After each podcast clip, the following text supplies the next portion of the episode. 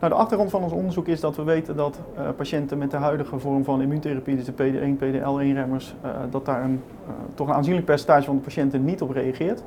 En die proberen we te identificeren nu door middel van een PDL1-kleuring, uh, een immunohistochemische kleuring. Daarvan weten we dat daar toch wel beperkingen aan zitten aan de bruikbaarheid daarvan. Dus wat we met dit onderzoek geprobeerd hebben is om een betere biomarker te vinden waarmee we patiënten zouden kunnen, waarmee we zouden kunnen voorspellen welke patiënten in eerste instantie eigenlijk niet gaan reageren op deze behandeling.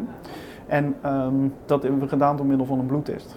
Ja, de studie is uitgevoerd doordat we uh, in uh, het Antonie van Leeuwenhoek ziekenhuis met, uh, samen met Egbert Smit en wij in het Erasmus MC met onze groep van patiënten die behandeld worden met immuuntherapie bloed hebben afgenomen.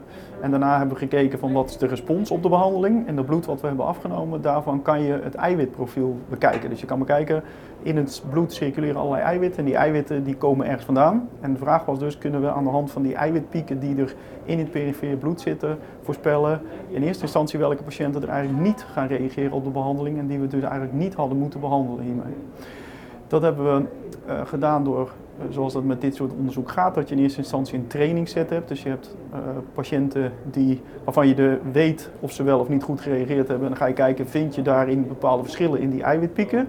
En nadien is dat gevalideerd in twee onafhankelijke groepen om te kijken dat we nou weten, het is geen gerandomiseerde studies, dus om te zien dat we niet uh, alleen maar naar prognostische markers kijken, dus markers die sowieso al voorspellen of patiënten het beter of slechter doen, is dit ook nog vergeleken met een groep uh, patiënten die zijn behandeld met chemotherapie.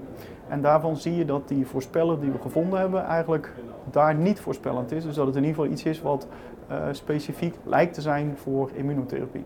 Dus de resultaten van het onderzoek zijn, het, zijn de eerste, het is een eerste keer dat we zo'n uh, zo'n soort onderzoek gedaan hebben. Maar de resultaten van het onderzoek zijn, als je naar de trainingsset kijkt, dat je eigenlijk vrij goed in staat bent om de groep patiënten te identificeren die heel snel uh, progressie heeft, vergeleken met de andere groep die het beter doet op de behandeling. En um, als we dat dan valideren in onafhankelijke, twee onafhankelijke sets, zien we dat dat eigenlijk stand houdt. Dus dat we de groep patiënten die um, snel progressie krijgen, beter kunnen identificeren met degene die een, uh, eigenlijk een langere respons erop hebben.